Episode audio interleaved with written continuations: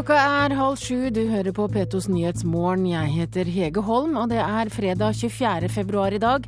Dette er hovedsaker i nyhetene akkurat nå. Tidligere FN-sjef Kofi Annan er utpekt som spesialutsending til Syria. Og dyre skolefritidsordninger stenger skoleelever ute. Jeg ser jo at mange barn som kommer inn her og spør hva det koster å gå på aktivitetsskolen. Og det er litt trist når de tar med skjema hjem og sier nei, mamma og pappa sier det er for dyrt å gå på aktivitetsskolen. Skremmende at folkehelse anbefaler medisin som kan gi psykose, mener Legemiddelråd.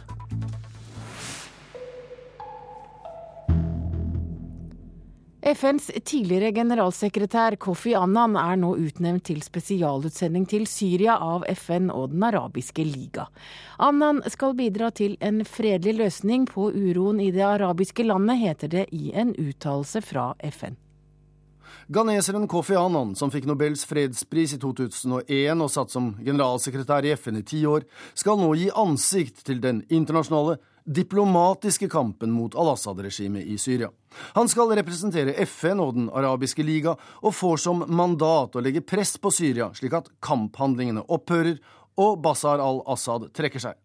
På et møte i Tunis i dag skal en gruppe på om lag 60 land, såkalt venner av Syria, diskutere den internasjonale strategien videre, og hvordan vennegruppen skal samarbeide med eksilopposisjonelle syriske grupper.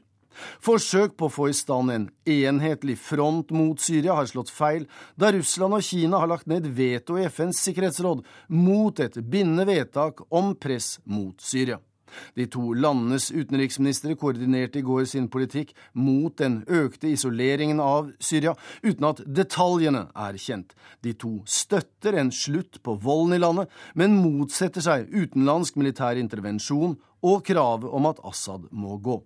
Det kortsiktige målet for vennegruppen, og dermed Kofi Annan, er en midlertidig humanitær våpenhvile i den beleirede byen Homs, slik at internasjonale hjelpeorganisasjoner kan komme inn med mat og medisiner til den lidende befolkningen i byen, som er blitt et symbol på motstanden mot det undertrykkende regimet i Damaskus. Det sa utenriksreporter Joar Hoel Larsen. 18-åringen som er siktet for drap i Os i Hordaland, vil begjære seg løslatt i dag. Da skal mannen som er siktet for drapet på den 98 år gamle Hilda Feste, bli framstilt for varetektsfengsling. Politiet vil ha fire uker med brev- og besøksforbud i hele perioden, og ifølge 18-åringens forsvarer stiller han seg uforstående til siktelsen. Det er uaktuelt å gjøre skolefritidsordningen i Oslo gratis for å utjevne forskjeller, slik SV foreslår. Det sier Øystein Sundelin fra Høyre, som leder kultur- og utdanningskomiteen i Oslo. Tall fra grunnskolens informasjonssystem viser at så langt er det mange færre barn i fattige områder i Oslo som går på SFO enn det er barn i områder der foreldrene tjener godt. Men å gjøre ordningen gratis av den grunn er en dårlig idé, sier Sundelin. Nei, Det treffer veldig lite konkret. Det er et uh, dyrt forslag som uh, vi har vanskelig for å se effekten av. Og da tror jeg det er mye bedre at vi fortsetter å styrke skolen i disse, uh, disse områdene der vi har elever med språkutfordringer.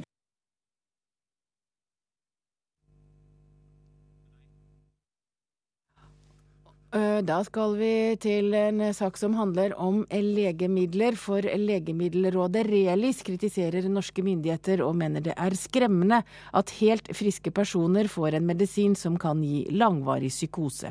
I fjor ble en ung kvinne innlagt med paranoid psykose etter å ha brukt medisinen Lariam for å beskytte seg mot malaria. En ung gutt fikk hallusinasjoner. Nå mener spesialist i sykehusfarmasi ved Relis, Kirsten Myhr, at medisinen ikke bør brukes i Norge. Når unge mennesker som er friske, plutselig ender opp med en akutt psykose og blir innlagt. Det er jo kjempedramatisk. I snitt får Legemiddeltilsynet tre henvendelser i året der Lariam mistenkes å ha ført til psykiske problemer. Og Når vi leser de historiene om hvordan pasientene har opplevd dette, og hvor lang tid det kan ta å være frisk, så synes jeg at eh, ikke myndighetene eh, kan utsette pasienter for den risikoen. Vi er veldig klar over at dette kan jo gi kraftige bivirkninger sier Hans Blystad, overlege ved Folkehelseinstituttet. Det er en av de beste antimalariamedisinen vi har, som folk bruker når de er ute og reiser i malariastrøk. Så her må vi jo sette litt effekten av, av medisinen mot eventuelle bivirkninger. Og reporter var Kristine Svendsen. To menn i 20-årene er savnet i Trollheimen. De to ble etterlyst ved halv tolv-tiden, da de ikke kom til en avtalt hytte i går kveld. Politiet har funnet bilen til de to, og har sendt ut Oppdal og Rennebu Røde Kors. Det er 60 cm nysnø og stor snøskredfare i fjellet, og det forsinker letemannskapene. Støttespillere til den tiltalte Wikileaks-varsleren Bradley Manning mener den amerikanske soldaten fortjener heltestatus i USA. I går kveld ble Manning formelt tiltalt for forræderi, og han blir nå stilt for krigsrett. One, two, one, two, Bradley Manning must be free! Free Bradley Manning! Støttespillere av den tiltalte amerikanske soldaten var på plass utenfor gjerdene til det militære rettslokalet i Maryland like utenfor Washington DC. Bradley Manning ble i går kveld formelt tiltalt for å ha hjulpet USAs fiender. Tiltalepunktet om forræderi kan gi den 24 år gamle soldaten fengsel på livstid, dersom han blir funnet skyldig. Det amerikanske forsvaret mener Manning lastet ned flere enn 700 000 sensitive og hemmeligstemplede dokumenter. En stor del av de graderte dokumentene skal han ha gitt videre til varslernettstedet Wikileaks. Den 24 år gamle soldaten var stasjonert i Irak under opplæring som etterretningsanalytiker da han angivelig begynte å videresende fortrolige analyser og dokumenter om bl.a. USAs krigføring i Irak og Afghanistan. Lekkasjene førte til medieoppslag verden over med direkte sitater fra amerikanske hemmeligstemte analyser, men også åpenhjertige amerikanske synspunkter som USA måtte tåle sterk kritikk for. En av hans støttespillere, Richard D. Oaks, mener Manning er en helt som avslørte det han kaller krigsforbrytelser. Manning indeed was for the uh, of information about uh, U.S. troops killing civilians, then he's a hero. Også en annen av støttespillerne til den tiltalte soldaten, Lawrence D. Hagbart, mener Manning fortjener heltestatus. The United States is doing, was doing something wrong in Iraq, period. Everybody knows that. We all know that. And he really pointed out how we've done something wrong. So we should consider him a national hero. Tiltalen mot Manning består av i alt 22 punkter.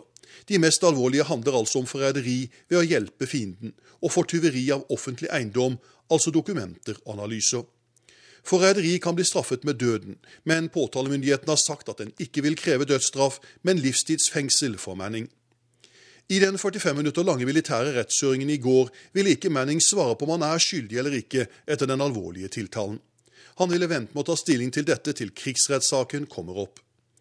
Forsvarerne hans mener at den tidligere soldaten hadde store følelsesmessige og atferdsmessige problemer da han tjenestegjorde i Irak, og at hæren aldri skulle gitt ham tilgang til sensitive og klassifiserte dokumenter. Det er ikke avklart når krigsrettssaken starter. Aktoratet ønsker å vente til begynnelsen av august, mens forsvarerne vil ha den i gang to måneder tidligere, med oppstart før sommerferien. Jon Gelius, Washington. Ja, Vi skal holde oss i Afghanistan, for der er nå folk rasende etter at amerikanske soldater tidligere denne uken tente på Koranen. Og I går ble altså en norsk soldat såret da en håndgranat ble kastet inn i leiren i Meymane. Og det er ventet nye demonstrasjoner flere steder i landet i dag etter fredagsbønnen. Og direktør ved Institutt for fredsforskning, PRIO, Christian Berg Harpviken, hva tror du kommer til å skje i dag? Nei, Vi har jo sett nå de siste tre dagene en, eh, en eh, tydelig eskalering av eh, voldsnivået, av omfanget på protestene. Og fredagen er jo den dagen da Det er jo muslimenes helligdag. Da samles man til fredagsbønn. Det er ingen stor hemmelighet at blant de som preker i moskeene, så er det også en god del som er mer skeptisk til den vestlige innsatsen enn eh, den gjennomsnittlige afghaner, og at eh, mange av de kommer til å bruke anledningen til å forsøke å Eh, stimulere protestene, så at eh, Så gjennom fredagsbønnen så mobiliserer de folk til å gå ut i gatene etterpå og protestere? Ja, det er en klassiker at når, når man har sterke følelser i sving allerede, så, så virker fredagsbønnen til å, til å, stimulere ytterligere protest. Så det er klart at dagen i dag er veldig spennende, tatt i betraktning det som har skjedd de siste dagene, og at det har vært en så tydelig eskalering fra dag til dag. Ja, Hva er det den voldsomme frustrasjonen bunner i? Det er klart eh, afghanere flest reagerer sterkt på brenningen av Koranen. Det, dette er et folk som holder eh, islam høyt, og føler seg eh, tråkket på når disse historiene kommer ut. Eh, denne typen reaksjoner har vi jo sett eh, eh, også tidligere, f.eks. I, i fjor vår, da vi fikk et angrep på FN-kontoret i Mazar, og den norske offiseren Shiri Skare ble drept under tragiske omstendigheter.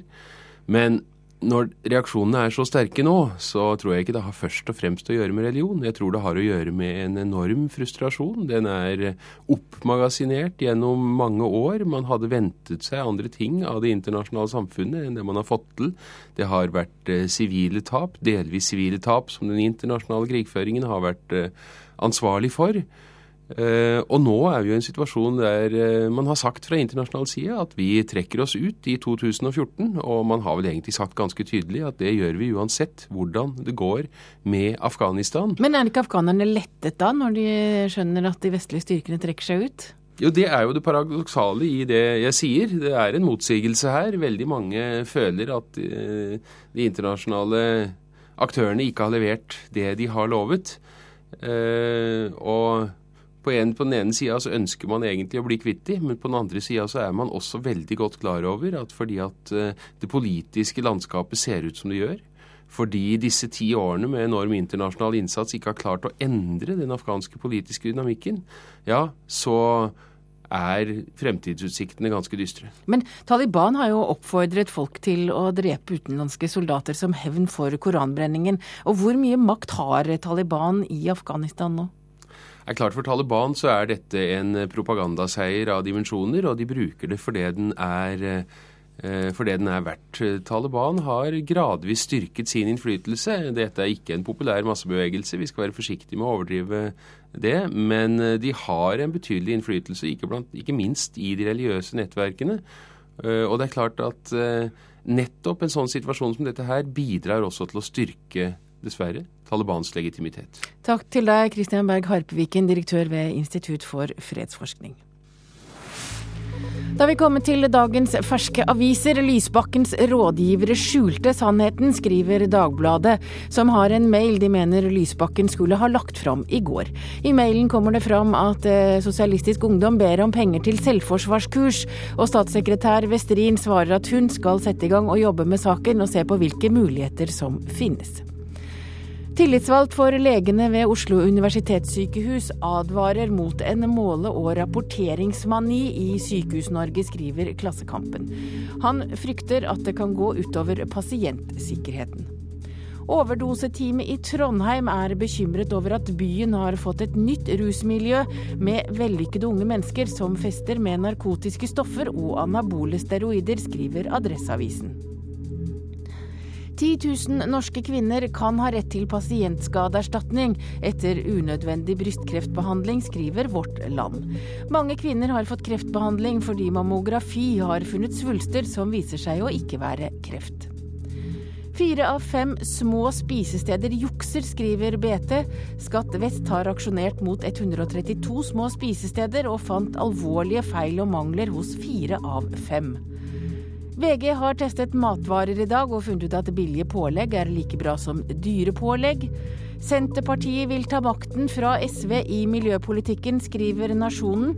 Nestleder Ola Borten Moe vil at partiet på sikt skal overta Miljøverndepartementet. Aftenposten skriver om flinke ungdomsskoleelever som kan ta fag i videregående, men ikke får tilbudet.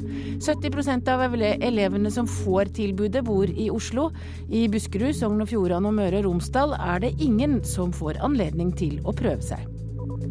Afghanerne er dypt frustrert over at mer enn ti år med vestlig krigføring og statsbygging ikke har gjort livet bedre for dem, skriver Dagsavisen. Til nå er altså minst 16 drept etter den amerikanske koranbrenningen. Og tallet på unge uføre har økt med 24% på fire år, skriver Dagens Næringsliv. Industrieier og milliardær Trond Moen vil ha slutt på potetgull Dip og iPads. Han mener gymnastikk skal få det høye antallet unge uføre ned.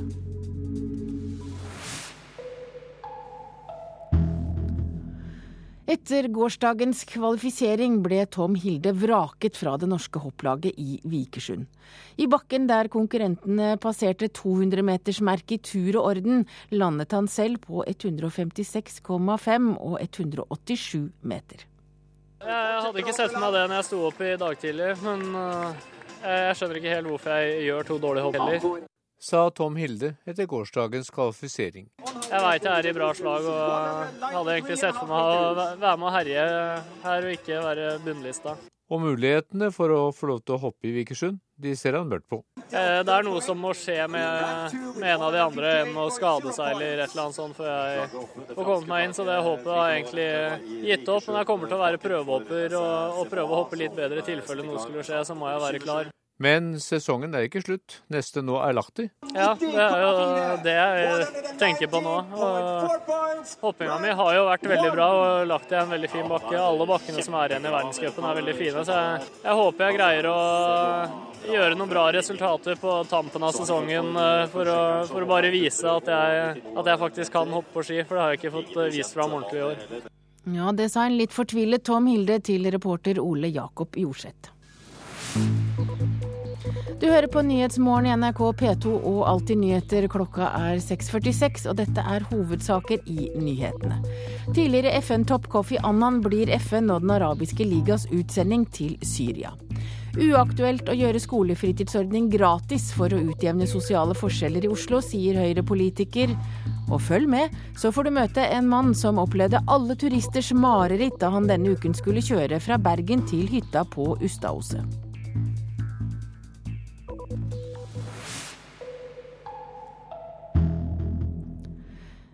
Mens Oslo har funnet en løsning, går fortsatt alle skipene på tomgang i havna i Bergen.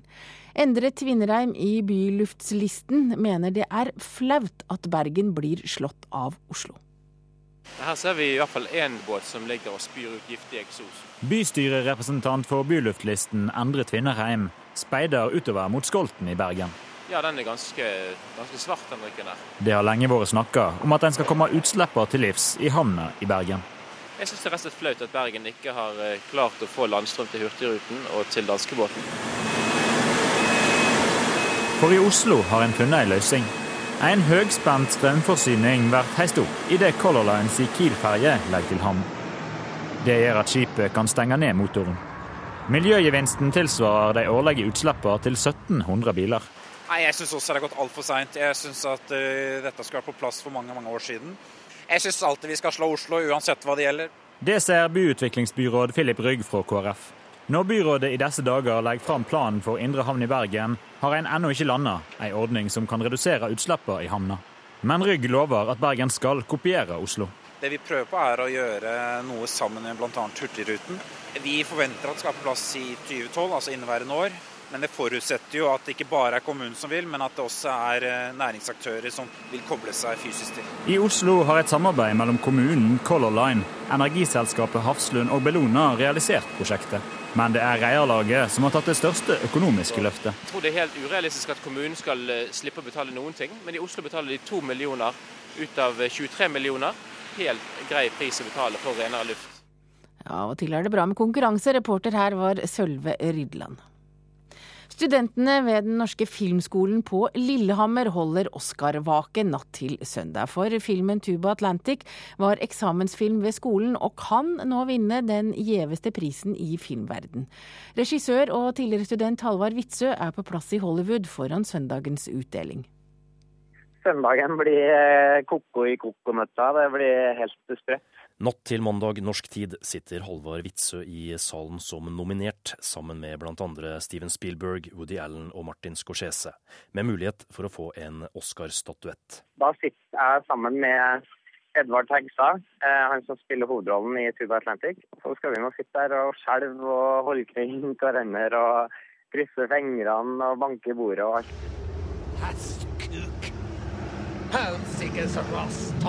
Tuba Atlantic er nominert i kategorien beste kortfilm. Filmen, som altså var eksamensfilm på Den norske filmskolen i 2010, handler om en døende mann på trøndelagskysten som prøver å få kontakt med broren i Amerika ved hjelp av en gigantisk tuba.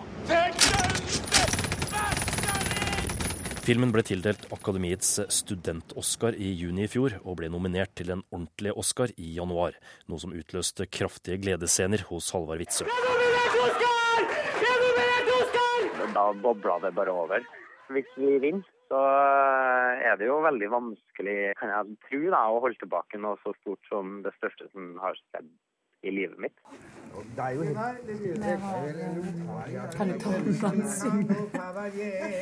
På Den norske filmskolen på Lillehammer. Her gikk Witzøe inn døra første gang i 2007.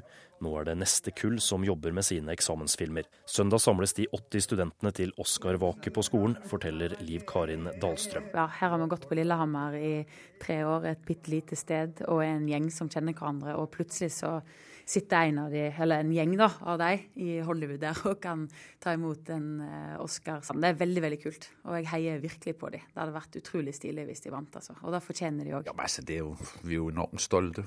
Dekan Thomas Stendrup er stolt og full av lovord om regissøren av filmen. Han har en utrolig selvdisiplin og en utrolig øh, engasjement.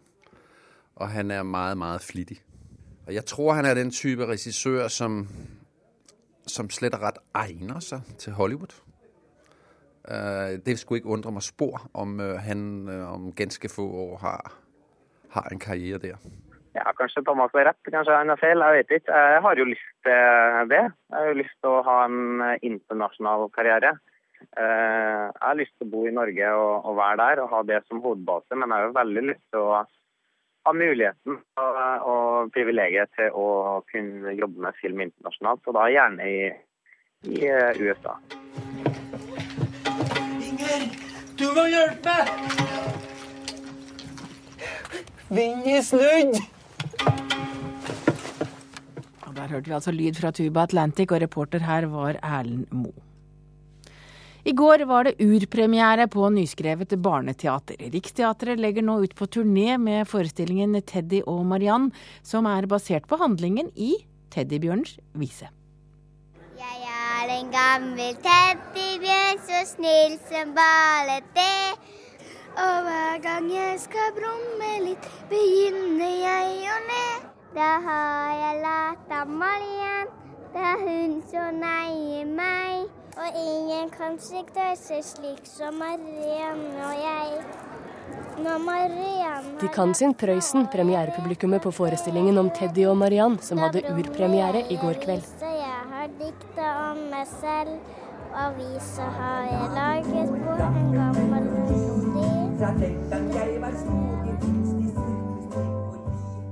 Stykket er basert på historien i visa om teddybjørnen og settes opp av Riksteatret. Livet i tivolivogna med sine gleder og sorger skildres i forestillingen, som er litt dukketeater og litt musikal. Det er flere bamser enn bare én. Det, det handler om vennskap og bestevenner. Og kjærlighet, og ikke bare penger. Det handler om at man skal ha det hyggelig og gøy med den personen.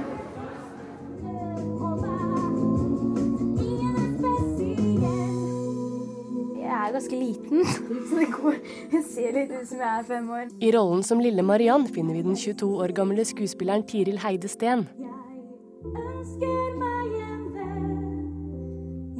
Og det har jeg jobbet mye med barneteater og sånne ting, da, så jeg liksom får jo inntrykk eller, av hva, hvordan barn er. Eller man omgås mye med barn, da, hvordan de oppfører seg, hva de er interessert i. og hvordan de prater og liksom egen sjargong. Nå skal hun på turné til 70 scener rundt i hele landet. I reisefølget er bl.a. Kari Svendsen, som spiller tivoliets lykkehjulsheriff Laila. Ja, Laila er vel egentlig litt sånn typecast, eh, for å si det sånn. For jeg er jo ikke skuespiller, og Ellen Horn ville gjerne at jeg skulle spille Laila fordi jeg er meg. At hun ville ha en sånn type, sånn litt røff, godslig, triv, triv, trivial type. Og, og, så spiller jeg jo litt banjo og krydrer det litt i forestillingen, da. Er du våken? Ja, og jeg føler det på meg. I dag er dagen. I dag blir jeg vunnet. I dag blir jeg funnet. Og i dag får jeg kjøre karusell. ja, ja, det får vi inderlig håpe. Ja, og reporter på teatret var Ina Strøm. Vi har vel vært gjennom den første vinterferieuka mange steder i landet, og det har vært vanskelig å kjøre bil mellom øst og vest i de siste dagene. Atle Ramsdal opplevde alle turisters mareritt da han skulle kjøre fra Bergen til hytta på Ustaoset denne uka. Ja, vi reiste tirsdag i ettermiddag fra Bergen i halv tre-tiden. og var meningen å ta turen over Hardangervidda til Og der var det? Der var det stengt. Og neste alternativ var? Det var Ørland Hol, og den var også stengt. Og da ble det Hemsedal med tre unger og en datter og hund i bilen. Så det ble en lang tur. Hvor langt kjørte du? Vi kjørte 40 mil omtrent. Og ja, kunne vel kjørt et par og tjue hvis ja. vidden hadde vært åpen. NRK var i går på brøytestasjonen på Bjøberg i kanten av Hemsedalsfjellet. Runa Sletten Bjøberg er brøytesjåfør på denne fjellovergangen og har ikke de beste spådommene for de næreste dagene. Det er vinden som henger igjen litt, og blåser noe snø, men eh, det er bra nå. Hvordan er det meldt framover nå i dag og i morgen? Når kvelden kommer eh, og rundt uh, midnatt, så skal det dra på igjen med faktisk en god del nedbør og hardere vind. Så da blir det i hvert fall, i beste fall, kolonne? Ja, mettogrammet tyder på det. Ja. I uh, verste fall kan det bli en periode med stengt òg, uh, for det var ganske mye nedbør. Men uh, det kan jo endre seg, så det får en ta som det kommer. Det er mye vinterferieturister oppe her, og mange som kommer vestantil. Hva vil du si til deg? Nei, nå etter værmeldingene å dømme, så hadde de spara så mye plunder ved å vente til lørdag med å begynne å, å farte over fjellet her. For lørdag ser det ut som det er en brukende dag. Det, det, så ut som det var mange som var blåst inne ned i, nedover i liet nedenfor Bjørbjørg her.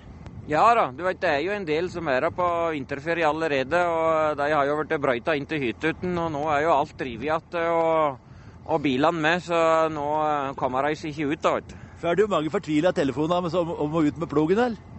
Ja, det er jo, det er jo spesielt disse fra låglandet som eh, nesten ikke har opplevd slikt. da, vet du, så... Så det er egentlig på en måte bra, så ser jeg litt hva vi drøler med. Og på Ustadhuset koser Atle Ramsdal seg på hytta og krysser fingrene for ei åpen vidde på heimturen til Bergen. Ja da, vi koser oss. Har det varmt i hytten, og nå skinner solen og vinden er stilnet. Så vi får håpe de åpner vidden til lørdag, for da skal vi tilbake igjen. Ja, du får krysse fingre. Ja. ja. God vinterferie. Jo, tusen takk for det. Ja, Til slutt så hørte vi hytteturist Atle Ramsdal her sammen med reporter Gunnar Grimstveit.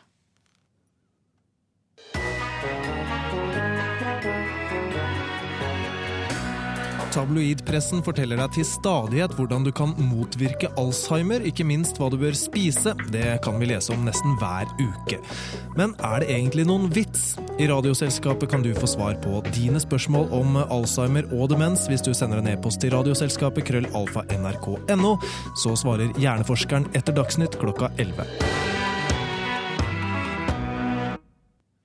Og da har vi kommet fram til et værvarsel her i Nyhetsmorgen. I Langfjella ventes det vestlig opp i sterk kuling, fra i ettermiddag periodevis liten storm, snøbyger og snøfokk. Fjellstrøkene Trollheimen-Jotunheimen sørvest stiv kuling på høyfjellet, i kveld nordvest snøbyger. Rondane fjellstrøkene Dovrefjell svenskegrensa vestlig liten kuling i høyfjellet, i kveld enkelte snøbyger. Østlandet sørvest frisk bris på kysten, til dels pent vær. Telemark vestlig frisk bris, periodevis stiv kuling, stort sett pent vær. Agder vestlig periodevis sterk kuling, i kveld liten storm ved Lindesnes, regnbyger, snø i høyden. Rogaland og Hordaland vestlig periodevis stiv kuling, fra sent i ettermiddag sterk kuling, regnbyger og snø over 400 meter, og det kan komme mye lokalt mye nedbør. Sogn og Fjordane sørvest periodevis sterk kuling ved Stad liten storm, og i ettermiddag full storm fra sent i ettermiddag vestlig liten storm, regnbyger, snø over 400 meter.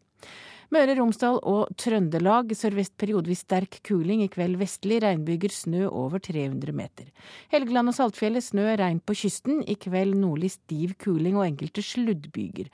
Salten, Lofoten, Lofoten og Vesterålen opphold, Troms enkelte snøbyger, Finnmarksvidda blir det opphold. Kyst- og fjordstrøkene i Finnmark vestlig liten kuling på kysten, snøbyger i nord, ellers opphold.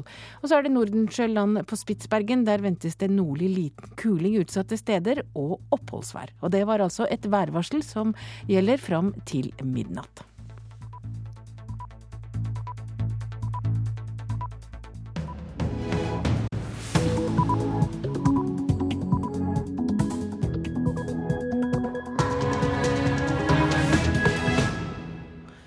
Og der slo klokka sju slag, og du lytter på Nyhetsmorgen. Jeg heter Hege Holm, og her er en nyhetsoppdatering. Dyre skolefritidsordninger stenger ute skoleelever fra ressurssvake områder, mener SV. Det at vi har et system inne i skolen som faktisk forsterker forskjellene og fratar barn muligheten for å være med i lek sammen med andre barn, slik da både fritidsordningen eller aktivitetsskolen i Oslo gjør, det er egentlig helt uakseptabelt. Styret i Tine ligger på norgestoppen i honorar. Styreleder får utbetalt over 900 000 kroner. Man klager at man har for dårlig inntekt på, på melka, og så bruker altså eieren Tine opp pengene på, på høye styrehonorarer og, og lederlønninger. Og det sier altså FrPs landbrukspolitiske talsmann. Tidligere FN-sjef Kofi Annan er utpekt som spesialutsending til Syria, og i dag åpner den internasjonale vennekonferansen for landet. Det er skremmende at folkehelse anbefaler medisin som kan gi psykose. Det sier Legemiddelråd, som mener at malariamedisinen Lariam ikke bør brukes i Norge.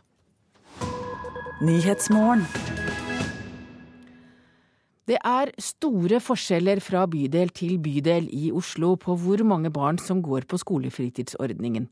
I områder der det bor mange med lav inntekt og mange med minoritetsbakgrunn, går gjerne under halvparten av de minste barna på SFO, mens på skoler med ressurssterke foreldre er tallet opp mot 100% SV mener mange ikke har råd til å benytte seg av ordningen, og vil ha gratis skolefritidsordning for å utjevne forskjellene i Oslo. På Tøyen skole koser barna seg på aktivitetsskolen, som SFO heter i Oslo, selv om de er få. Vi leker og ser på film, og så spiser Leker med Lego. Og, og spiller litt fotball. Jeg liker best å se på film og tegne enhjørninger og klippe de ut. Maja, Victoria og Mohammed går på aktivitetsskolen, som SFO heter i Oslo, på Tøyen skole. Det gjør ikke så mange av klassekameratene. Noen barn blir hentet av foreldrene, foreldrene sine. De går rett hjem. For i områder der mange har minoritetsbakgrunn og hvor gjennomsnittsinntekten er lav, er det få barn som går på SFO, viser tall fra grunnskolenes informasjonssystem. Mens på skoler der foreldrene tjener bra, som Bogstad, Bygdøy eller Vinneren, benytter så å si alle førsteklassingene seg av ordningen. Det er eh, prisen som gjør at vi har for få barn på aktivitetsskolen. Baseleder på Tøyen aktivitetsskole, Shabana Kausar, har sett hvor viktig prisen er for hvor mange barn som går der. Jeg ser jo at mange barn som kommer inn her og spør hva det koster å gå på aktivitetsskolen. Og det er litt trist når de tar med skjema hjem og sier nei, mamma og pappa sier det er for dyrt å gå på aktivitetsskolen. Det er helt åpenbart at prisene må ned, og helst bør det være gratis. Sier Marianne Borgen fra SV. I dag koster det drøyt 2500 kroner å ha ett barn på SFO før og etter skolen. Mindre dersom familien tjener under 300 000. Det at vi har et system inne i skolen som faktisk forsterker forskjellene og fratar barn muligheten for å være med i lek sammen med andre barn, slik da både fritidsordningen eller aktivitetsskolen i Oslo gjør, det er egentlig helt uakseptabelt. Men Høyre som styrer i Oslo synes det er for dyrt og lite treffsikkert å gjøre SFO gratis i hele eller deler av Oslo. Så å si alle har råd til å benytte seg av ordningen, sier Øystein Sundelin, som leder kultur- og utdanningskomiteen. Ja, og så er spørsmålet tar man seg eh, råd til det. Eh, aktivitetsskolen er såpass rimelig i Oslo i dag at det er mulig for alle å sende barna sine til aktivitetsskolen. Men foreldrene til barna på Tøyen skole tror mange flere ville sendt barna sine på SFO hvis det var billigere eller gratis. Deo Mahmoud og Hava Hassan Abdi har barn på aktivitetsskolen. De tror barna der også blir flinkere på skolen, bl.a. fordi de blir bedre i norsk. Ja, de lærer mye også her. Mange av dem de har ikke gått barnehage mange år, kanskje et år eller noen måneder. Og de går hjem etter skole, så får de ikke lært norsk hjemme. Men på dette punktet er andre arenaer vel så viktig, mener Øystein Sundelin fra Høyre. Da syns jeg det er, kan være bedre pengebruk at vi støtter frivilligheten og idrettslagene i større grad. Men først og fremst at vi sørger for at vi skaper eh, den sosiale mobiliteten og integreringen i skolen. Men det sosiale blir noe helt annet på SFO enn på skolen, mener Nasteho Mahmoud. Jeg ser flere andre barn som er lua, sier hei på gata og sier at går dere samme klasse? Nei, vi går på samme eh, SFO. Jeg skjønner de som går uten mestringsminuttet, og de som går på aktivitetsskolen. Ja, og det sa Mohammed på Tøyen skole til reporter Sigrid Solund. Og det blir debatt om dette i Politisk kvarter på P2 745. Men her og nå har jeg med meg deg, Sunni Loma. Du er psykolog og seniorrådgiver ved NAFO, Nasjonalt senter for flerkulturell opplæring, og du har jobbet med språkutvikling hos minoritetsbarn. Eh, vi hører her at foreldre mener barna blir bedre på skolen, både i og på skolen av å gå på SFO. Hva tenker du om det? Ja, jeg er eh, enig med foreldrene. Og det er også når, eh, når han talsmannen fra Høyre sier at vi kan heller skape arenaer for, for norsk utvikling innen idrett osv., så, så er jeg ikke så sikker på at det er så fornuftig. Grunnen til det er at når disse aktiviteter legges til skolen, så utvikler barna norsken sin også på en annen måte. Og det går på begrepsutvikling. altså på en måte Det er et fagspråk som skal læres. Og det er ikke sikkert at uh, barn som deltar i andre fritidsaktiviteter utenom uh, skolen, Um, altså de sikkert vil engasjere seg altså Et daglig språk vil de kunne sikkert lære, men ikke de fagbegreper som barn trenger å lære også. Eh, alle som ønsker det, har råd til å gå på SFO, mener Høyre. Er det slik at alle har råd til å sende barna sine på aktivitetsskole eller ja. SFO? Ja, altså det, kan, jeg, kan, jeg, har ikke noe tall å legge på bordet, men vi hadde en eh, fattigdomsundersøkelse som ble mm, offentliggjort for ikke så lenge siden, som viste at det er ca. 220 000 fattige i Norge, og av disse er 170 000 eh, etniske minoriteter. Hvor mange av de bor i hovedstaden? Er nesten halvparten. Så at eh, det er helt opplagt, særlig i de indre bydeler, hvor det er en stor konsentrasjon av eh, etniske minoriteter, at man kan regne med at det er mange familier som ikke har råd til å sende sine barn på SFO. Men, men hvor viktig er det å være på en slik sosial arena?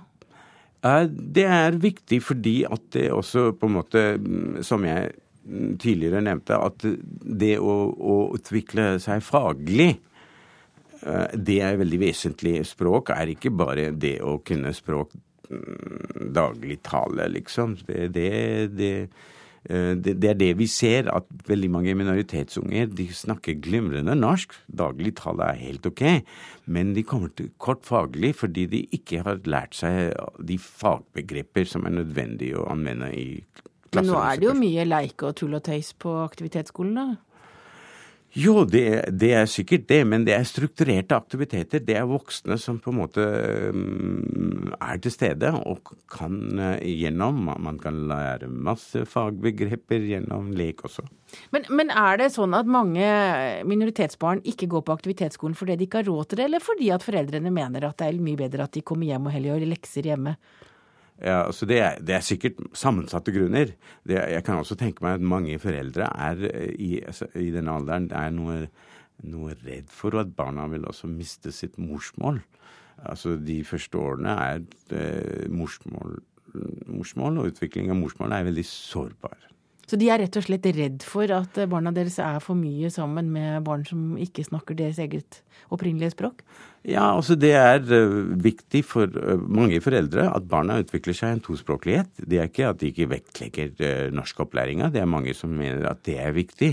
Men hvis det går utover kommunikasjon i familien, La oss si at barn ikke kan snakke med Fordi vi veit meget godt at, eh, at eh, det er et fenomen som heter språkdød som forekommer. Det vil si at når språket, man slutter å bruke språk hjemme, så dør det språket. Og det bekymrer mange foreldrene seg om. Dette er en sammensatt problemstilling vi helt sikkert kommer tilbake til. Takk til deg, Suni Loma. Du er altså psykolog og seniorrådgiver ved Nasjonalt senter for flerkulturell opplæring. Da skal vi snakke om noe helt annet, for nå skal vi til samvirket. Vi skal til Melkesamvirket Tine, som eh, har landets beste, eller iallfall blant landets best betalte styremedlemmer. Styrelederen i Tine han hever til sammen 917 000 kroner i styrehonorar og godtgjørelser. Konsernsjefen i Tine synes styret gjør seg fortjent til de høye honorarene. Reklamefilmene til Tine spiller på nasjonalromantiske strenger, og ikke minst det folkelige. Da vi i Tine skulle finne en passende talsperson for Tine-melk, starta vi med en gjennomsnittsnordmann. Men styrehonorarene i Tine er alt annet enn folkelige, sier melkebønder NRK har snakket med. Styreleder i landbrukssamvirket Tine hadde i fjor utbetalt til sammen 917 000 kroner i honorarer og godtgjørelser. Det er 260 000 kroner mer enn styrelederen i Statoil, Nordens største børsnoterte selskap. Jeg syns det er på tide at eh, bøndene nå tar et oppgjør med eh, sin egen adel. Sier landbrukspolitisk talsmann i Frp, Torgeir Trældal. Eh, man klager at man har for dårlig inntekt på, på melka. Eh, og så bruker altså eieren Tine opp eh, pengene på, på høye styrehonorarer og, eh, og lederlønninger som ligger langt, langt over resten av, av det vi ser i, i Norge. Styret i Tine møtes i snitt én gang i måneden.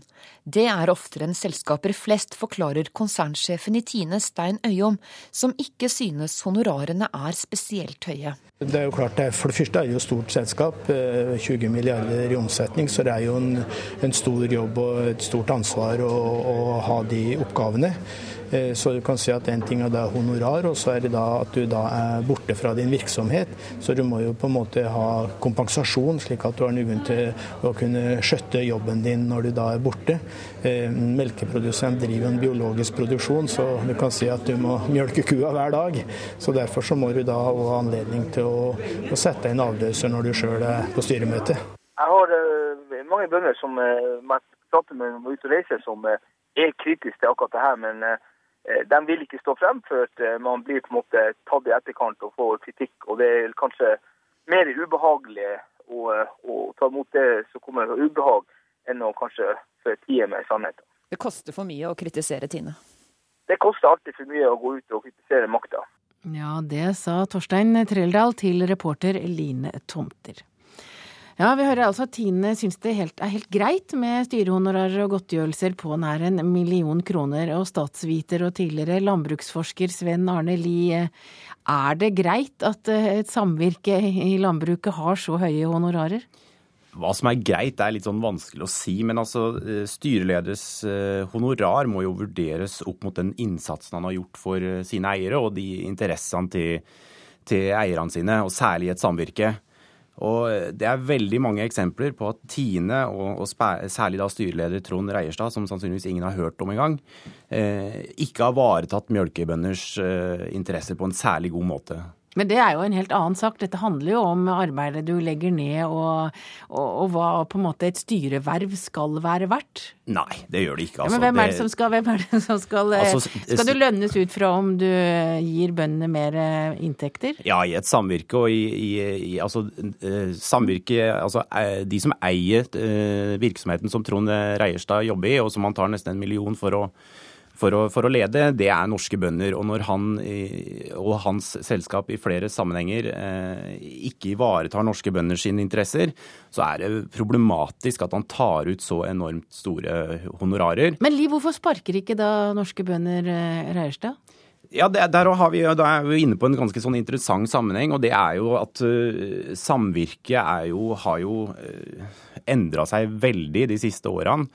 Eh, og har jo eh, i stor grad utvikla seg bort fra å være et samvirke til å være et, eh, et selskap med sin egen markedslogikk som ivaretar sine interesser, og ikke nødvendigvis det som er norske bønders interesser. Og det ser vi særlig når det gjelder prisen på mjølk. Eh, Men de som leverer råstoffer, råstoffet, det er nå fortsatt bøndene? Det og de som bøndene. eier det, er jo bøndene, så de, kan jo, de har jo en mening de kan komme fram med hvis de de har, de har definitivt en mening, men det spres en, en, en oppfatning om at det er bare for bønder å møte opp på medlemsmøter, og så får man gjennom sine krav. Og det er litt feil, fordi den måten Tine er organisert på, eh, gjør at det i praksis ikke fungerer som et, eh, som et sånn samvirke som det var tenkt. Det at de f.eks. er organisert som et konsern, gjør jo at du har konsentrert ekstremt mye makt hos, eh, hos eh, den administrative ledelsen. Nå burde vi jo egentlig hatt eh, ledelsen i Tine her, og styreformannen kanskje, men, eller styrelederen, men det har vi ikke. Men, eh, men Liv, hva mener du at norske bønder eller norske melkebønder burde gjøre? Ja, altså, Prinsipielt sett så, så er, er, i hvert fall ser jo ikke jeg store problemer med samvirketanken i det hele tatt. Er viktig, det er et veldig viktig instrument for norske bønder, og det, det, er, det, det er et veldig viktig instrument for å oppnå politiske målsettinger. Problemet er jo at samvirket har jo forvitra, og eh, norske bønder må tørre å ta kampen eh, innad i samvirket, og må tørre å å ta, eh, ta, en debatt om samvirke uten at man setter seg helt på bakbeina og tror at det her er en kritikk av samvirke som idé. Eh, der har nok jeg og eh, Torgeir Trærdal litt ulik inngangsport til den debatten her. Fordi Frp og Høyre er jo ute etter en mer kritikk av samvirket som idé, mens jeg mener at her handler det rett og slett om hvordan samvirket har utvikla seg. Så du mener at her bør debatten ta seg Altså, I dag tjener styreformann 917 000 kroner i året. Hva mener du han er verdt? Jeg veit ikke hva han er verdt, men uh, han uh, har nå en, en, et styrehonorar som uh, tilsvarer omtrent fem, in, altså fem årsinntekter til norske mjølkebønder. Det syns jeg er litt vel mye i forhold til den innsatsen han har gjort, for han har ikke vært særlig flink. Det var din mening, statsviter og tidligere landbruksforsker Sven Arne Lie. Klokka er 7.16. Eh, du hører på Nyhetsmorgen i NRK P2. Dette er hovedsaker akkurat nå. SFO bør bli gratis for å utjevne sosiale forskjeller i hovedstaden, mener SV. Uaktuelt, svarer Høyre. Kofi Annan skal jobbe for fred i Syria, utpekt som spesialutsending av FN. Og følg med videre. Nynorskopplæringen må starte i barnehagen, mener Noregs Mållag. Den tidligere generalsekretæren i FN, Kofi Annan, er utnevnt til spesialutsending til Syria av FN og Den arabiske liga. Samtidig åpnet i dag den internasjonale vennekonferansen for Syria. Vestlige og arabiske land ønsker nå å øke presset på president al-Assad, i håp om å få en slutt på voldshandlingene i landet. Den 73 år gamle fredsprisvinneren Kofi Annan, som gikk av som generalsekretær for fem år siden, skal nå fronte disse internasjonale bestrebelsene.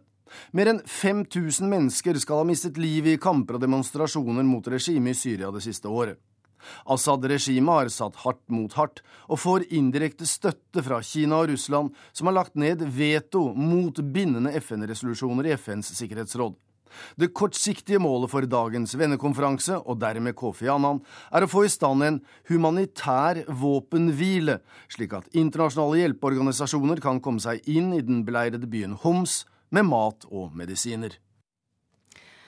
Ja, da har vi altså med oss Midtøsten-korrespondent Sigurd Falkenberg Mikkelsen. Og kan du svare på, hvor viktig er det at en så profilert diplomat som Kofi Annan nå blir eh, utsending til Syria? Det ligger jo definitivt et eh, økt press på eh, Assad-regimet, og delvis også på opposisjonen, for å organisere seg. Eh, og det gjør jo at ved å utnevne en så profilert figur som Kofi Annan, at verdenssamfunnets øyne i enda større grad blir rettet mot Syria. Annan hadde en heldig hånd med situasjonen i Kenya, men dette er en mye, mye vanskeligere situasjon. Og så lenge Russland står på sitt, så tror jeg han får en veldig, veldig vanskelig oppgave. Men hvilke for forutsetninger, bortsett fra at han har gjort eh, bra jobb tidligere, har han for å eh, få en løsning på konflikten i Syria? Han, har, eh, han, er jo en karismatisk figur. Eh, men eh, hovedutfordringen hans blir jo realpolitikken i dette, og Syrias strategiske beliggenhet, som gjør at situasjonen er så vanskelig, og Bashar al-Assads regimes ønske om å ikke vike en tomme i forhold til opposisjonen. Og i tillegg at opposisjonen nå gradvis blir mer og mer bevæpnet. Slik at han går jo inn i en situasjon som eskalerer, og samtidig er helt akutt i Homs. Så det er vanskelig å si akkurat hva han klarer å utrede, eh, i hvert fall på kort sikt. Vennemøtet i Tunis i dag skal jo diskutere samarbeidet mellom eksilgrupper. Hvor samlet eh, står den syriske opposisjonen? Den har dessverre vist seg å være eh, svært splittet. Eh, dessverre sett fra ståsted til Den arabiske liga og de vestmaktene som prøver å få til en forandring i Syria. Eh, de har ikke klart å finne en entydig front. De har prøvd under, dette syriske nasjonalrådet med base i Istanbul. Det har ikke fungert særlig godt. Og dialogen mellom eksil og opposisjonen i eksil og opposisjonen i Syria har vært dårlig. Så det gjør at på mange måter så er den splittede opposisjonen Bashar al-Assads eh, beste kort. Hva kan eh, vennemøtet komme fram til i dag, eller hva kan det komme ut av det? Det blir jo eh, først og fremst et ytterligere krav om å få løst den akutte situasjonen i Homs, hvor situasjonen blir mer og mer desperat. Eh, og så blir det å etablere noen mekanismer som kan jobbe for nettopp å forene denne opposisjonen. Eh, men eh, det internasjonale samfunn merkes jo veldig tydelig av at disse internasjonale forskjellene som gjorde seg til kjenne i FN, med Russland og Kina på den ene siden og Den arabiske liga og vestmaktene på den andre, de sementeres i stor grad fordi Russland boikotter dette møtet og Kina holder seg unna. Takk til deg, Midtøsten-korrespondent Sigurd Falkenberg Mikkelsen. Da har vi med oss statssekretær Torgeir Larsen. Du deltar på vennegruppemøtet for Syria i den tunisiske hovedstaden Tunis. Og formålet med møtet er jo å belyse alternativer for en politisk løsning. Det er første gang et vennegruppemøte for Syria finner sted. og Hva, hva tror du eh, kan komme ut av det? Altså, dette er et møte som har kommet eh, i stand på relativt kort varsel, eh, ledet an av Den arabiske liga. Eh, som da ønsker å, å samle eh, flest mulig bak eh, Den arabiske ligas krav om en politisk plan og, og endring til en prosess der du kan få en, en løsning, politisk løsning på det vi nå ser, det dramatiske som skjer i, i, i Syria. Håpet her er å samle en støtte bak det. I tillegg så vil det være viktig å sette søkelyset på det som skjer akkurat nå i bl.a. Homs. Eh, be om eh, at eh, du får en humanitær tilgang. Vi vil også fra norsk side gå ut og, og støtte de som nå krever daglige våpenhviler, bl.a. Røde Kors og Det røde halvmåne, for å få inn humanitær assistanse, særlig i, i Homs. Hvem er det som er på møtet, bortsett fra deg? Det er en eh, lang rekke land. Eh, hovedtyngden er arabiske land. Eh, arabiske, europeiske land. Alle våre nordiske naboer er, er representert her. Til sammen en, en, om lag 70 land, men jeg har ennå ikke full oversikt selv. Møtet begynner noen timer senere i dag. Da får vi se hvem som er her. Hva kan norske myndigheter bidra med? Et hovedfokus hos oss har hele tiden vært å, støtte opp om eh, den politiske prosessen initiert av Den arabiske liga. Så vil eh, jeg og vi i den nordiske kretsen fokusere mye på den humanitære situasjonen i dag. Eh, vi fra norsk side eh, vi gjør nå klart støtte til ulike kanaler. 22 eh, millioner kroner i første omgang.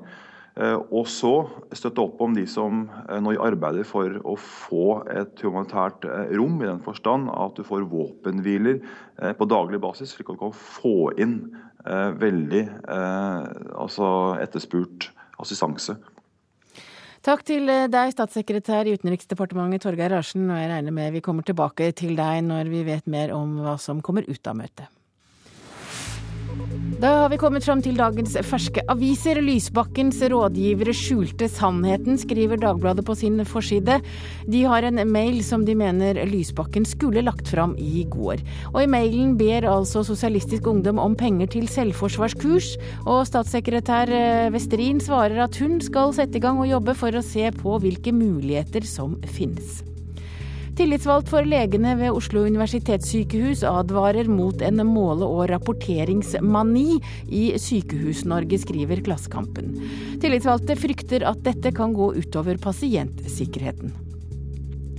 Overdoseteamet i Trondheim er bekymret over at byen nå har fått et nytt rusmiljø. Og i det rusmiljøet er det mange vellykkede mennesker som fester med narkotiske stoffer og anabole steroider, skriver Adresseavisen. 10 000 norske kvinner kan ha rett til pasientskadeerstatning etter unødvendig kreftbehandling. Det skriver Vårt Land. Mange kvinner har fått kreftbehandling fordi mammografi har funnet svulster som viser seg å ikke inneholde kreft. Fire av fem små spisesteder jukser, skriver BT. Skatt Vest har aksjonert mot 132 små spisesteder og fant alvorlige feil og mangler hos fire av fem. VG har testet matvarer i dag og funnet ut at billige pålegg er like bra som dyre pålegg. Senterpartiet vil ta makten fra SV i miljøpolitikken, skriver Nasjonen. Nestleder Ola Borten Moe vil, vil at partiet på sikt skal overta Miljøverndepartementet. Og afghanere er dypt frustrert over at mer enn ti år med vestlig krigføring ikke har gjort livet bedre for dem, skriver Dagsavisen. Til nå er minst 16 drept etter den amerikanske koranbrenningen.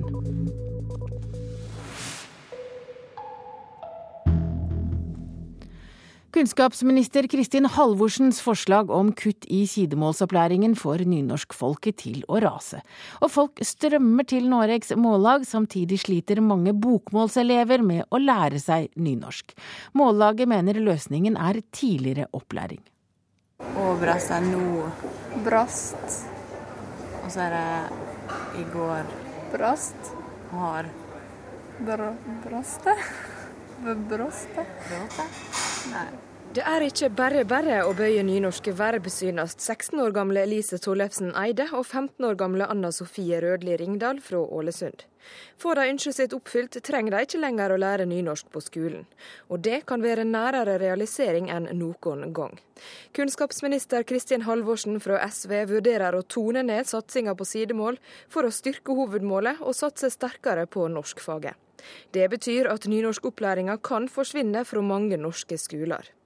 Noregs Mållag er svært misfornøyd med forslaget, og mener sidemålsopplæringa heller bør bli styrka. Og for at det skal bli enklere å takle nynorsk på skolen, mener de at en bør starte allerede her.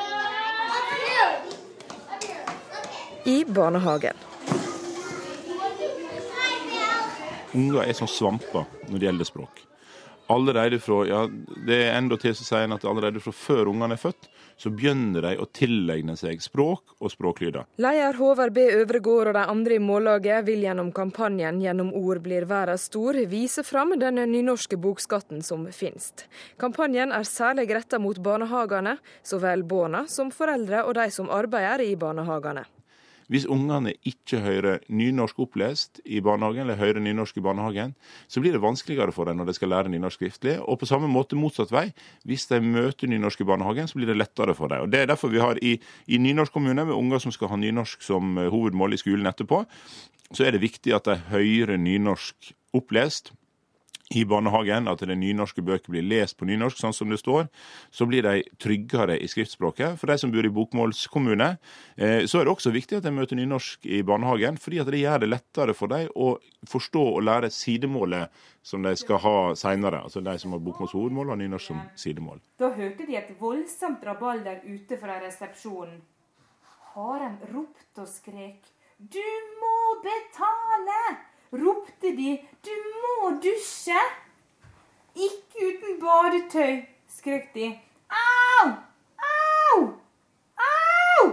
Det er lesestund i Ellingsøy barnehage i Ålesund, en språknøytral kommune. Men femåringene her hører mer 'jeg, meg og deg' enn 'jeg, meg og deg'. Også når pedagog Elisabeth Lorgen leser for dem. Det er jo fordi at boka er på bokmål, så leser jeg bokmål. Tre bukkene Bruse. En som er størst, en som er mellom, og en som er minst. Men dersom Thomas Logonov hører Bukkene Bruse på nynorsk, vil nynorsken gå lettere for han som skoleelev, mener Øvregård. Førskolelærerne er veldig opptatt av språklæring, men de har ikke lært om eh, om nynorsk og bokmål og hva konsekvens det har i barnehagen. Men det sånn, når ungene da ikke hører nynorsk opplest, så blir det en svakhet for dem når de skal begynne det i skole seinere. Jeg liker ikke det. Jeg syns det holder med en bokmål. Jeg er ikke så glad i nynorsk selv, da. Men eh, jeg forstår jo at det liksom vi har nytte av det, da, på en måte. Det hadde sikkert blitt lettere å lære nynorsk hvis eh, du hadde lært det fra du var liten. Så hadde det liksom ikke blitt så vanskelig når du plutselig begynner på, på ungdomsskolen. Ja, det sa Elise Tollefsen Eide og Anna Sofie Røli Ringdal. Fra Ålesund til slutt. Og reporter var Birte Bringsvor. Denne sendinga fra Nyhetsmorgen tar midlertidig en eh, pause. Den neste halvtimen får du Dagsnytt. Etter Dagsnytt skal vi til Somalia. Og i Politisk kvarter får du i dag debatt om skolefritidsordningen, og om den eh, gjør forskjellen på fattig og rik eh, enda større. Produsent for Nyhetsmorgen i dag er Sjan Erik Bjørnskaug. Jeg heter Hege Holm. Har du tips eller kommentarer, send det til oss på nyhetsmorgen krøllalfa nrk.no. Hør ekko. Er det liv laga for nynorsken, eller holder staten den i live med kunstig åndedrett? Og hva med språket vårt hvis nynorsken ender på museet? Og let deg få kjenne, når alt blir gjort opp, at meir enn du ga, fikk du att. Ekko 9 til 11 i NRK P2.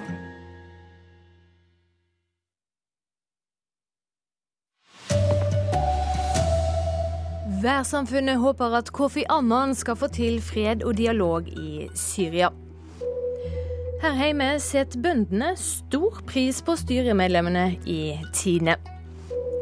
Å for dyr skolefritidsordning sementerer forskjellene i Oslo, mener SV.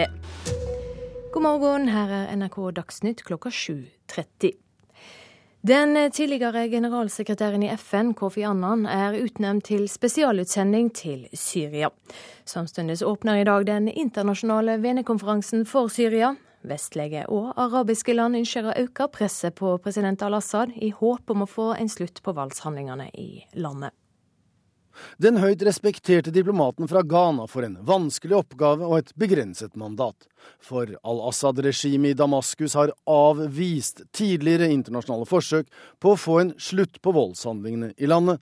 Og Russland og Kina stiller seg ikke bak Kofi Annan og hans oppdrag. De to landene støtter ikke kravet om at al-Assad må gå, og har dermed bidratt til å svekke det internasjonale presset mot regimet, selv om de støtter kravet om en slutt på voldshandlingene i landet. Utfordringen for vennegruppens møte i Tunis i dag, der om lag 60 land deltar, og Kofi Annan, blir å få til et konstruktivt samarbeid med den eksilsyriske opposisjonen.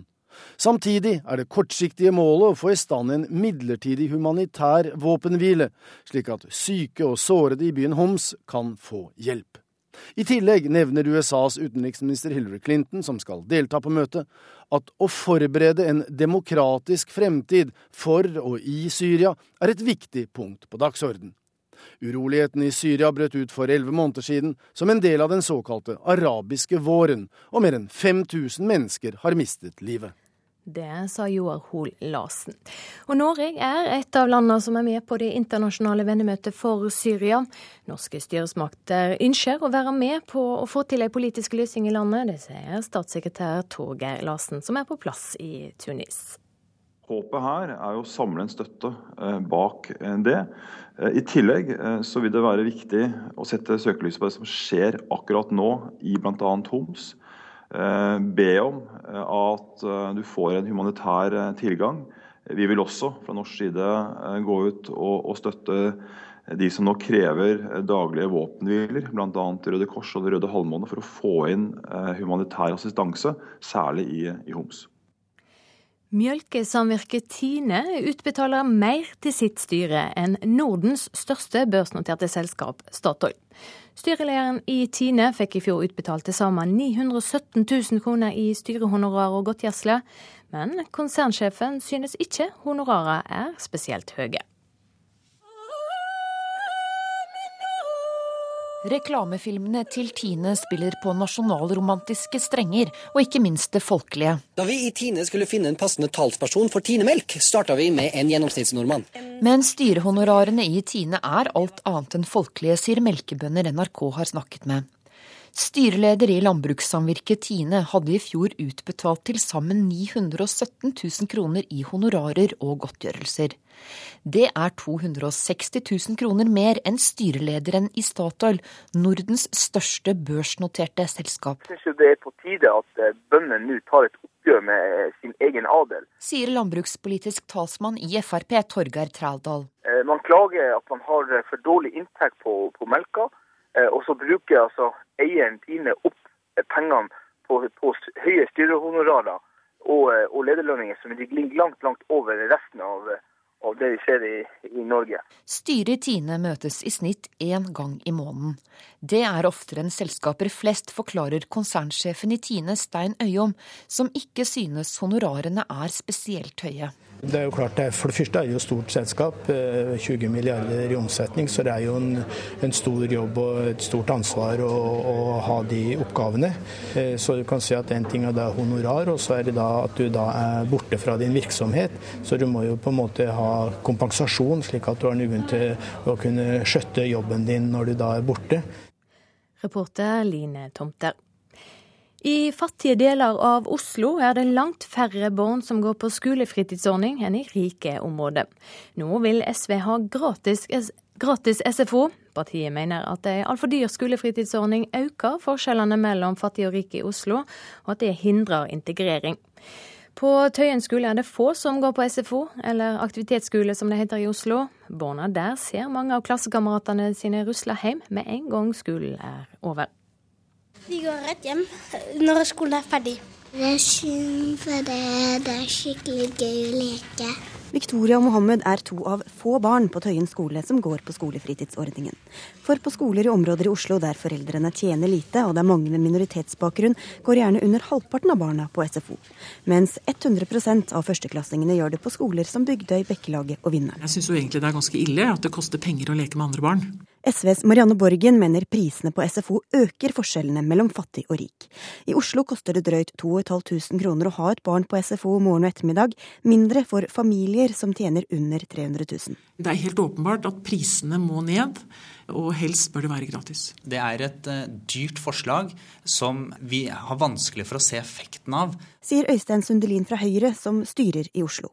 Han synes ikke det offentlige skal legge seg opp i hvordan ulike familier prioriterer og organiserer barnas etterskoletid. Det viktigste er at den gode skolen er i Oslo kommunes regi. På Tøyen aktivitetsskole har baseleder Shabana Kausar sett barn komme og gå ettersom prisene har svingt.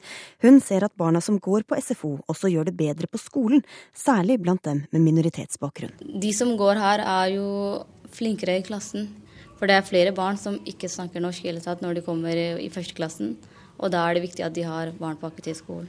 Foreldrenes valg handler både om økonomi og det praktiske, tror Maja på Tøyen skole. Jeg tror de ikke går på SFO fordi mammaen ikke har betalt for det, og de kommer tidlig hjem, så de trenger ikke. Og det blir debatt om dette straks i Politisk kvarter på P2. Reporter Sigrid Sollund. To tsjekkiske studenter på 21 og 23 år er savna i Trollheimen. Både politiet og Røde Kors leter etter de to. Men eh, mye nysnø og skredfare gjør letinga vanskelig, sier operasjonsleder i Sør-Trøndelag politidistrikt, Tore Killo. Vi har eh, hatt en politipatrulje som har leta parkeringsplasser i de områdene. og Etter hvert så har vi funnet bilen parkert da, ikke langt ifra Gjørdalshytta eller parkeringsplassen der. Det er ekstrem fare for snøskred og i og med at det er 60 cm nysnø i tillegg, så det er vanskelige kjøreforhold. og som Oppdal Røde Kors som skal ta seg inn til ei hytte, de kan kjøre et stykke med scooter og må deretter gå på ski. Det var medstudenter som meldte 21- og 23-åringen savna da de ikke var kommet fram til ei hytte som avtalt ved midnatt. De to skulle gå den såkalte trekanten i Trollheimen, og flere hytter skal nå sjekkes av leitemannskapene, først og fremst. Kamkjønnhytta, studenthytte, som eh, kan være mest aktuelle, De skulle i hvert fall til. Og sammen skal vi sjekke ut uh, Gjørdalshytta, og så må vi da vurdere Åla Trollheimshytta. Reporter Magnhild Øvre. Amerikanske forskere etterlyser et system der naturvernere kan kjøpe kvoter for at norsk hval ikke blir skutt. De mener at ved å betale hvalfangerne en pris tilsvarende markedsverdien, kan hvalfangstmotstandere kjøpe opp hval for å hindre at dyra blir fanga. Men både norske miljøaktivister, forskere og hvalfangere er skeptiske til framlegget.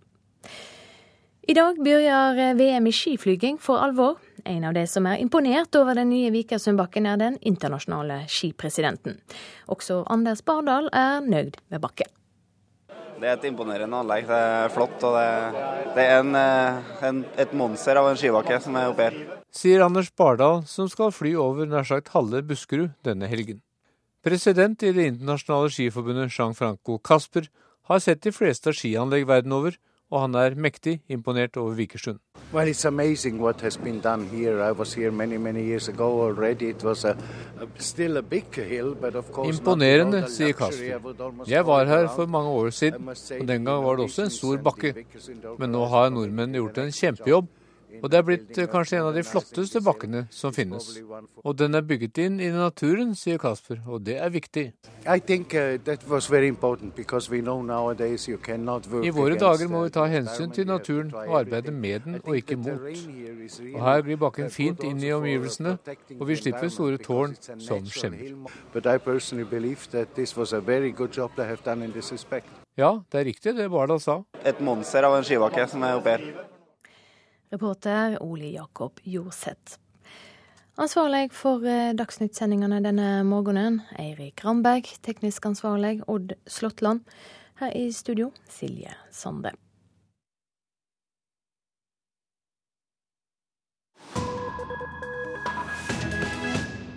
Ja, Nyhetsmorgen her i NRK P2 og Alltid nyheter fortsetter. Vi skal til Somalia, der konflikten står høyt på den internasjonale dagsordenen for tiden. Og mye tyder på at det er endringer i styrkeforholdet mellom partene inne i landet også. NRKs Afrikakorrespondent Lars Sigurd Sunnanå har nettopp besøkt det borgerkrigsherjede landet. På vei til fronten i et av Amisoms pansrede personellkjøretøyer. Den fredsbevarende styrken fra Den afrikanske unionen har kjørt et massivt informasjonsopplegg de siste ukene i forkant av London-konferansen og møtet i FNs sikkerhetsråd. Journalister, fotografer og fjernsynsteam fra en lang rekke land er tatt med til områder i og rundt Mogadishu, der den islamistiske opprørsbevegelsen Al Shabaab er blitt kastet ut. Og har fått høre at Amisom-soldatene, de fleste av dem fra Uganda og Burundi, er klar nye fremrykninger så snart de får forsterkninger og mer utstyr.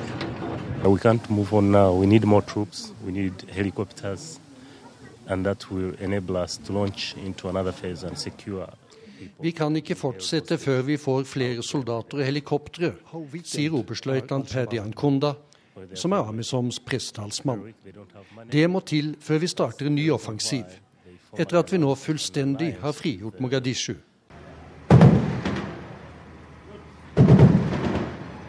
Nå får Amazon både flere folk og tyngre våpen. Styrken skal utvides fra 12 000 til nærmere 18 000 soldater, etter vedtak i FNs sikkerhetsråd tidligere i denne uken. Det militære trykket på Al Shabaab ut fra Mogadishu vil øke tilsvarende. Samtidig presses opprørsbevegelsen også fra vest.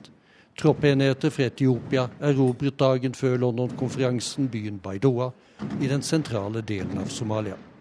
Baidoa er den nest største av byene som de islamistiske opprørerne har holdt i et jerngrep. Men nå rakner det for Al Shabaab, mener oberstløytnant Ankonda.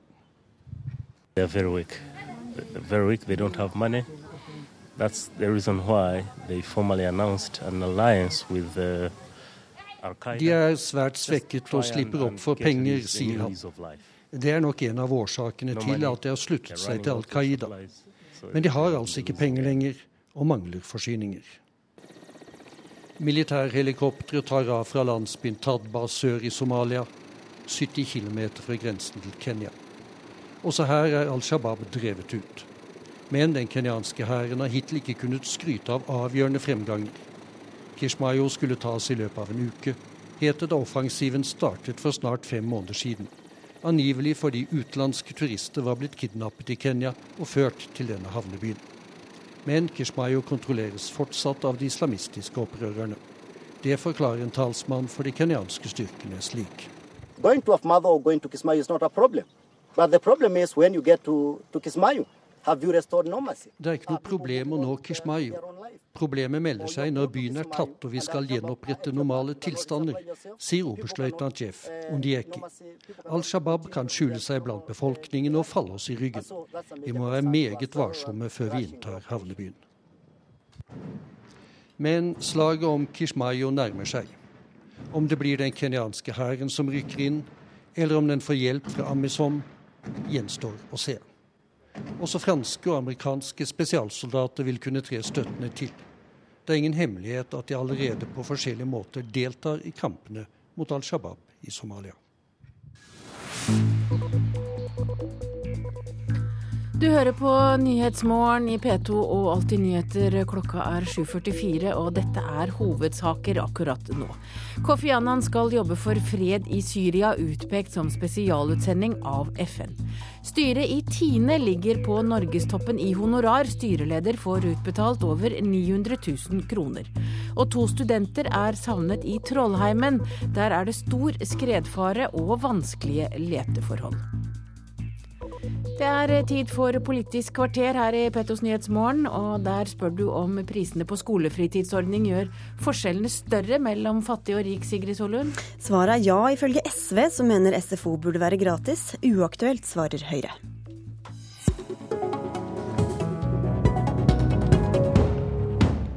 Barn i områder i Oslo der de voksne tjener godt og det er få med minoritetsbakgrunn, går mye oftere på SFO enn de gjør i områder der situasjonen er motsatt. Du kaller disse forskjellene uakseptable, Marianne Borgen, SVs gruppeleder i Oslo. Hvorfor er det det? Fordi Vi skal være klar over at Oslo er den kommunen i landet med flest fattige barn. Vi har mellom 15 og 20 000 fattige barn i Oslo. Noen av bydelene er det en tredjedel av barna som lever under EUs fattigdomsgrense. Og det vi ser er at prisene på aktivitetsskolen, som SFO heter i Oslo, er blitt så høye at mange barn ikke får lov til å delta på den leken som barn gjør når de er på aktivitetsskolen. Og det ekskluderer jo barn fra viktige sosiale fellesskap. Og de får heller ikke lære seg språk gjennom lek. Og derfor vil dere ha gratis SFO? Ja, prisene er i Oslo veldig veldig høye. De er mye mye høyere enn en barnehageplass. Eh, så vi må i hvert fall redusere prisene betraktelig. Og aller aller helst så vil SV at eh, SFO skal være gratis. Slik at alle barn får muligheten for å være med på leken. Øystein Sundelin fra Høyre, du leder kultur- og utdanningskomiteen i Oslo. Hvor aktuelt er det å sette ned prisen eller gjøre SFO gratis? Vi kan sikkert se på om prisen bør justeres for de som trenger en eh, lavere pris, men når SV ønsker å gjøre SFO gratis, da treffer vi ikke særlig målrettet de menneskene og de barna vi ønsker å hjelpe. Hvis hele bydeler skal f.eks. få gratis SFO, så er det som Marianne Borgen selv sier, hvis det er en tredjedel barn som lever under EUs fattigdomsgrense, så treffer hun altså alle med veldig mange penger. Og det er ikke god fattigdomspolitikk, og det er ikke god politikk for å løfte de vi trenger å løfte. Ja, hvorfor skal vi subsidiere SFO-betaling for foreldre som har råd til det, Borgen? Jo, men det er jo nettopp det vi gjør når det gjelder barnehager. I barnehager i de bydeler som har stor innslag av minoritetsfamilier, med, med, hvor det også er mye inntektsfattigdom, der har vi gratis kjernetid i barnehagene. Og det har vist seg å være veldig vellykket. Mange flere barn går nå i barnehage enn før.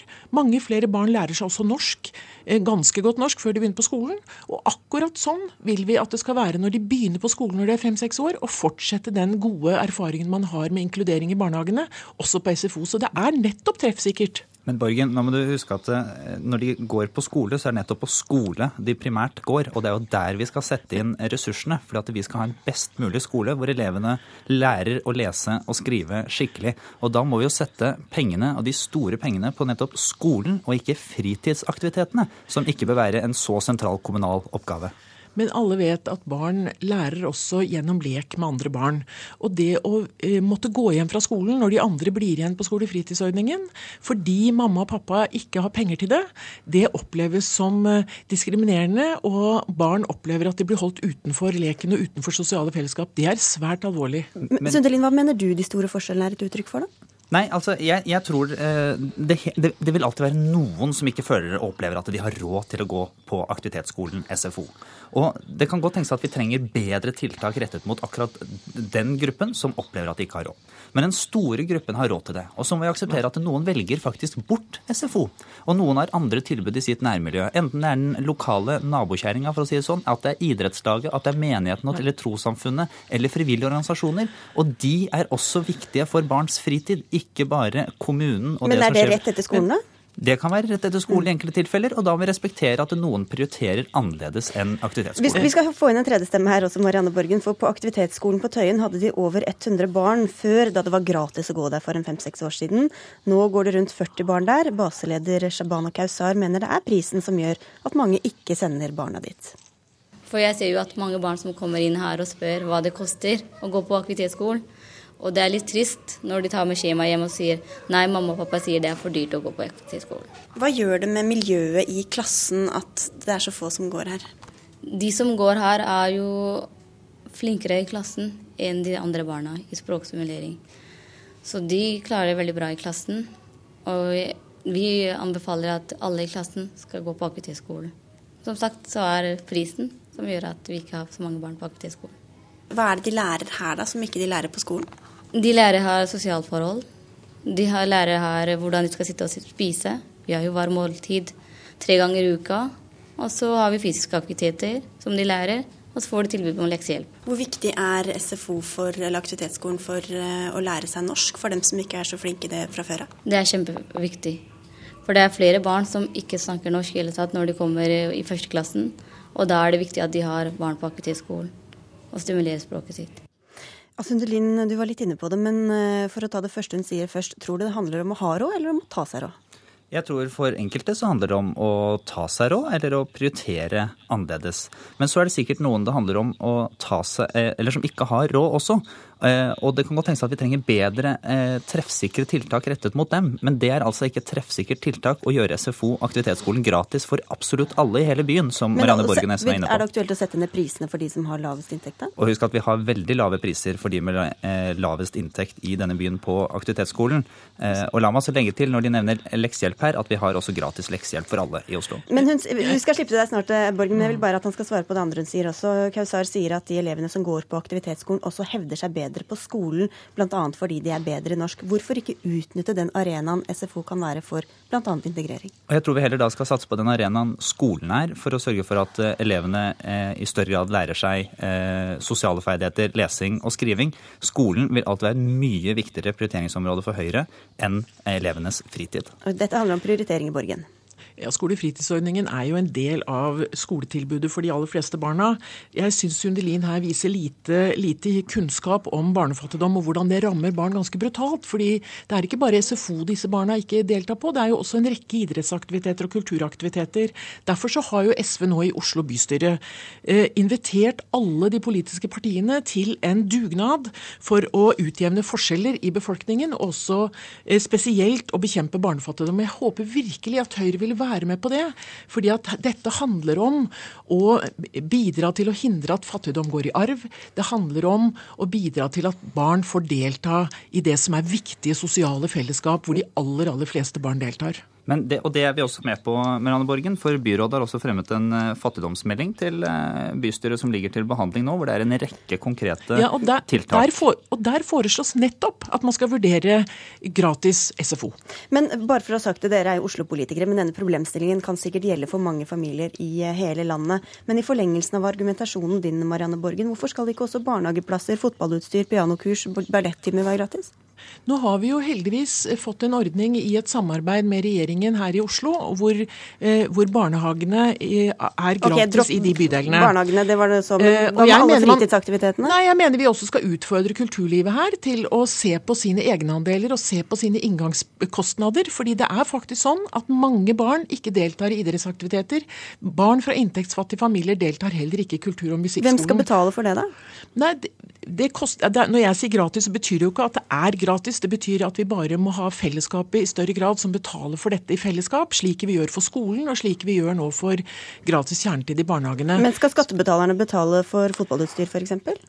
Eh, Ja, jeg syns iallfall at man bør vurdere å bidra for de barna som bor i de aller fattigste familiene. For det er viktig at barn får lov til å delta i det som er helt vanlige aktiviteter for vanlige barn. Eh, og jeg vet jo i dag også at sosialtjenesten og barnevernet til dels også bidrar med utstyr. Men de største kostnadene eh, hver eneste måned handler om kostnader som går på SFO, eventuelt kultur- og musikkskolen, og de vanlige Det er ikke utstyret i forhold til fotballen som er det dyreste. Men eh, vi skal ha veldig mange gode tiltak for de som trenger det i denne byen. Eh, og det vet SV, og det vil også Høyre. Og det har vi. Men hvis dette er den store debatten om at man skal utjevne forskjeller også, Marianne Borgen, så eh, er mitt motsvar til der du vil utjevne forskjeller, det er å gi like muligheter for alle. Og la meg da spørre deg. Nei. Hvis vi tar imot en, innvandrer, en innvandrergutt som starter på Oslo-skolen nå til høsten, og vi sørger for å gi han den beste skolen, som gjør at han om 15-20 år gjør en så stor suksess i næringslivet at han øker forskjellene i denne byen, da synes jeg faktisk det er helt greit, for da har Oslo-skolen gjort en solid oppgave. Da vil du holde han tilbake for å utjevne forskjeller. Jeg vil sørge for at han får de mulighetene til å nå så langt. Da er vi inne på en lang skoledebatt, men helt til slutt her, eh, Stein Sundelin, rektoren på Tøyen skole sier at ettersom det også blir mer læring i aktivitetsskolen, blir det forskjellene større mellom dem som går der og dem som ikke går der. Hva sier du til det? Og da går vi i retning av en heldagsskole, som er også en veldig stor, eh, stor debatt. Og det er jeg usikker på om vi skal i den retning, for det er viktig at barn har lek eh, på fritiden sin, og den bør ikke nødvendigvis være i kommunal regi. Da skal vi si at dere kan gå inn på nrk.no for å lese mer om forskjellene i hovedstaden og hvordan SFO-dekningen er på de ulike skolene. Takk skal dere ha for at dere var med, Øystein Sundelin fra Høyre og Marianne Borgen fra SV.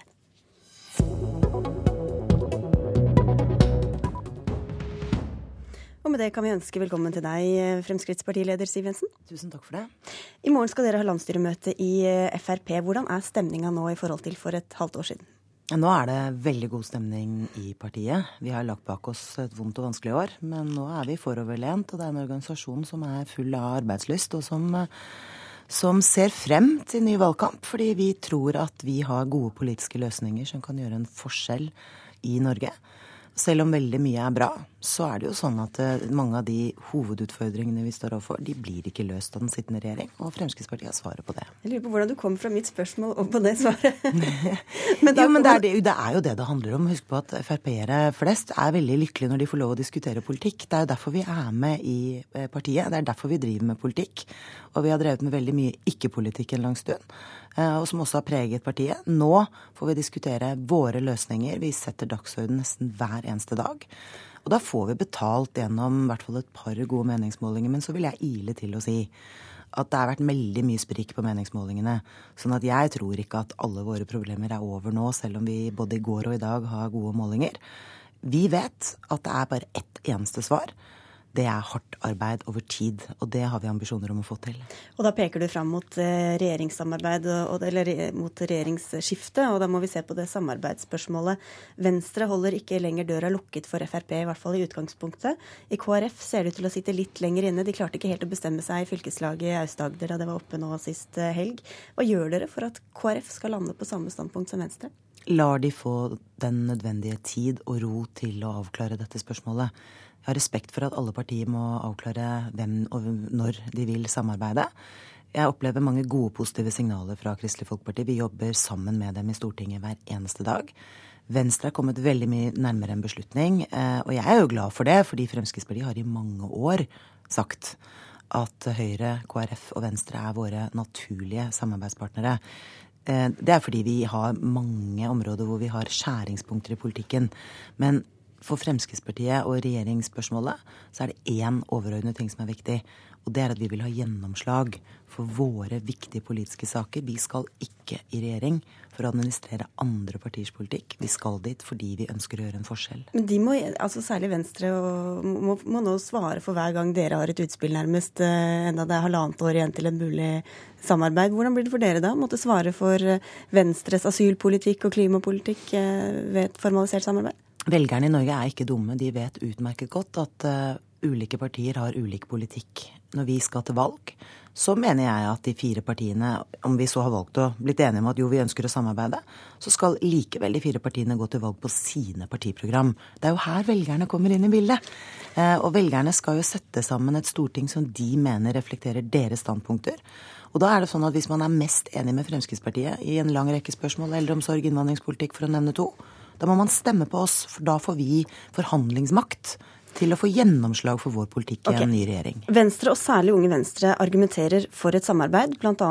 Eh, fordi det da skal hindre Frp å finne sammen med Arbeiderpartiet, f.eks. på områder som asyl og miljø.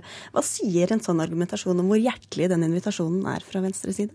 Jeg tror ikke man skal henge seg opp i én enkeltkommentar fra Unge Venstre. Jeg ser på helheten og de tilbakemeldingene som kommer, og det handler jo om at man er opptatt av å få ført en ny og annen politisk kurs for Norge. Jo, men det er mange i KrF og Venstre, og også Høyre, som sier at det, de egentlig vil bare samarbeide med hverandre, men at de ser at ikke de kommer utenom dere. Ja, og det er jo riktig, fordi Fremskrittspartiet er et stort parti. Eh, men så gjør jeg det helt klart at det å ta oss for gitt i den forstand at vi på en måte bare skal ha støtten vår og stemmene våre, og så drive og surre rundt med det gamle Bondevik II-prosjektet, det kommer ikke på tale. Men hvordan er det å samarbeide med noen som i utgangspunktet ikke har lyst, da? Nå er det litt overdrevet, fordi vi fire har et godt samarbeid i Stortinget hver eneste dag. Og vi legger frem fellesforslag stadig oftere. Men så er ikke det til hinder for at vi også har ulikheter som vi ønsker å være tydelige på. Og det er jo der igjen valget kommer inn.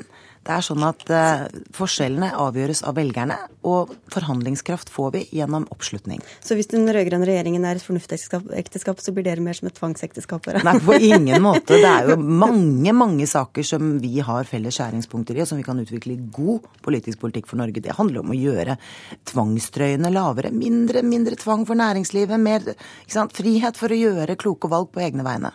Og så skal du holde talen din til landsstyret i morgen. Hva blir det viktigste budskapet da?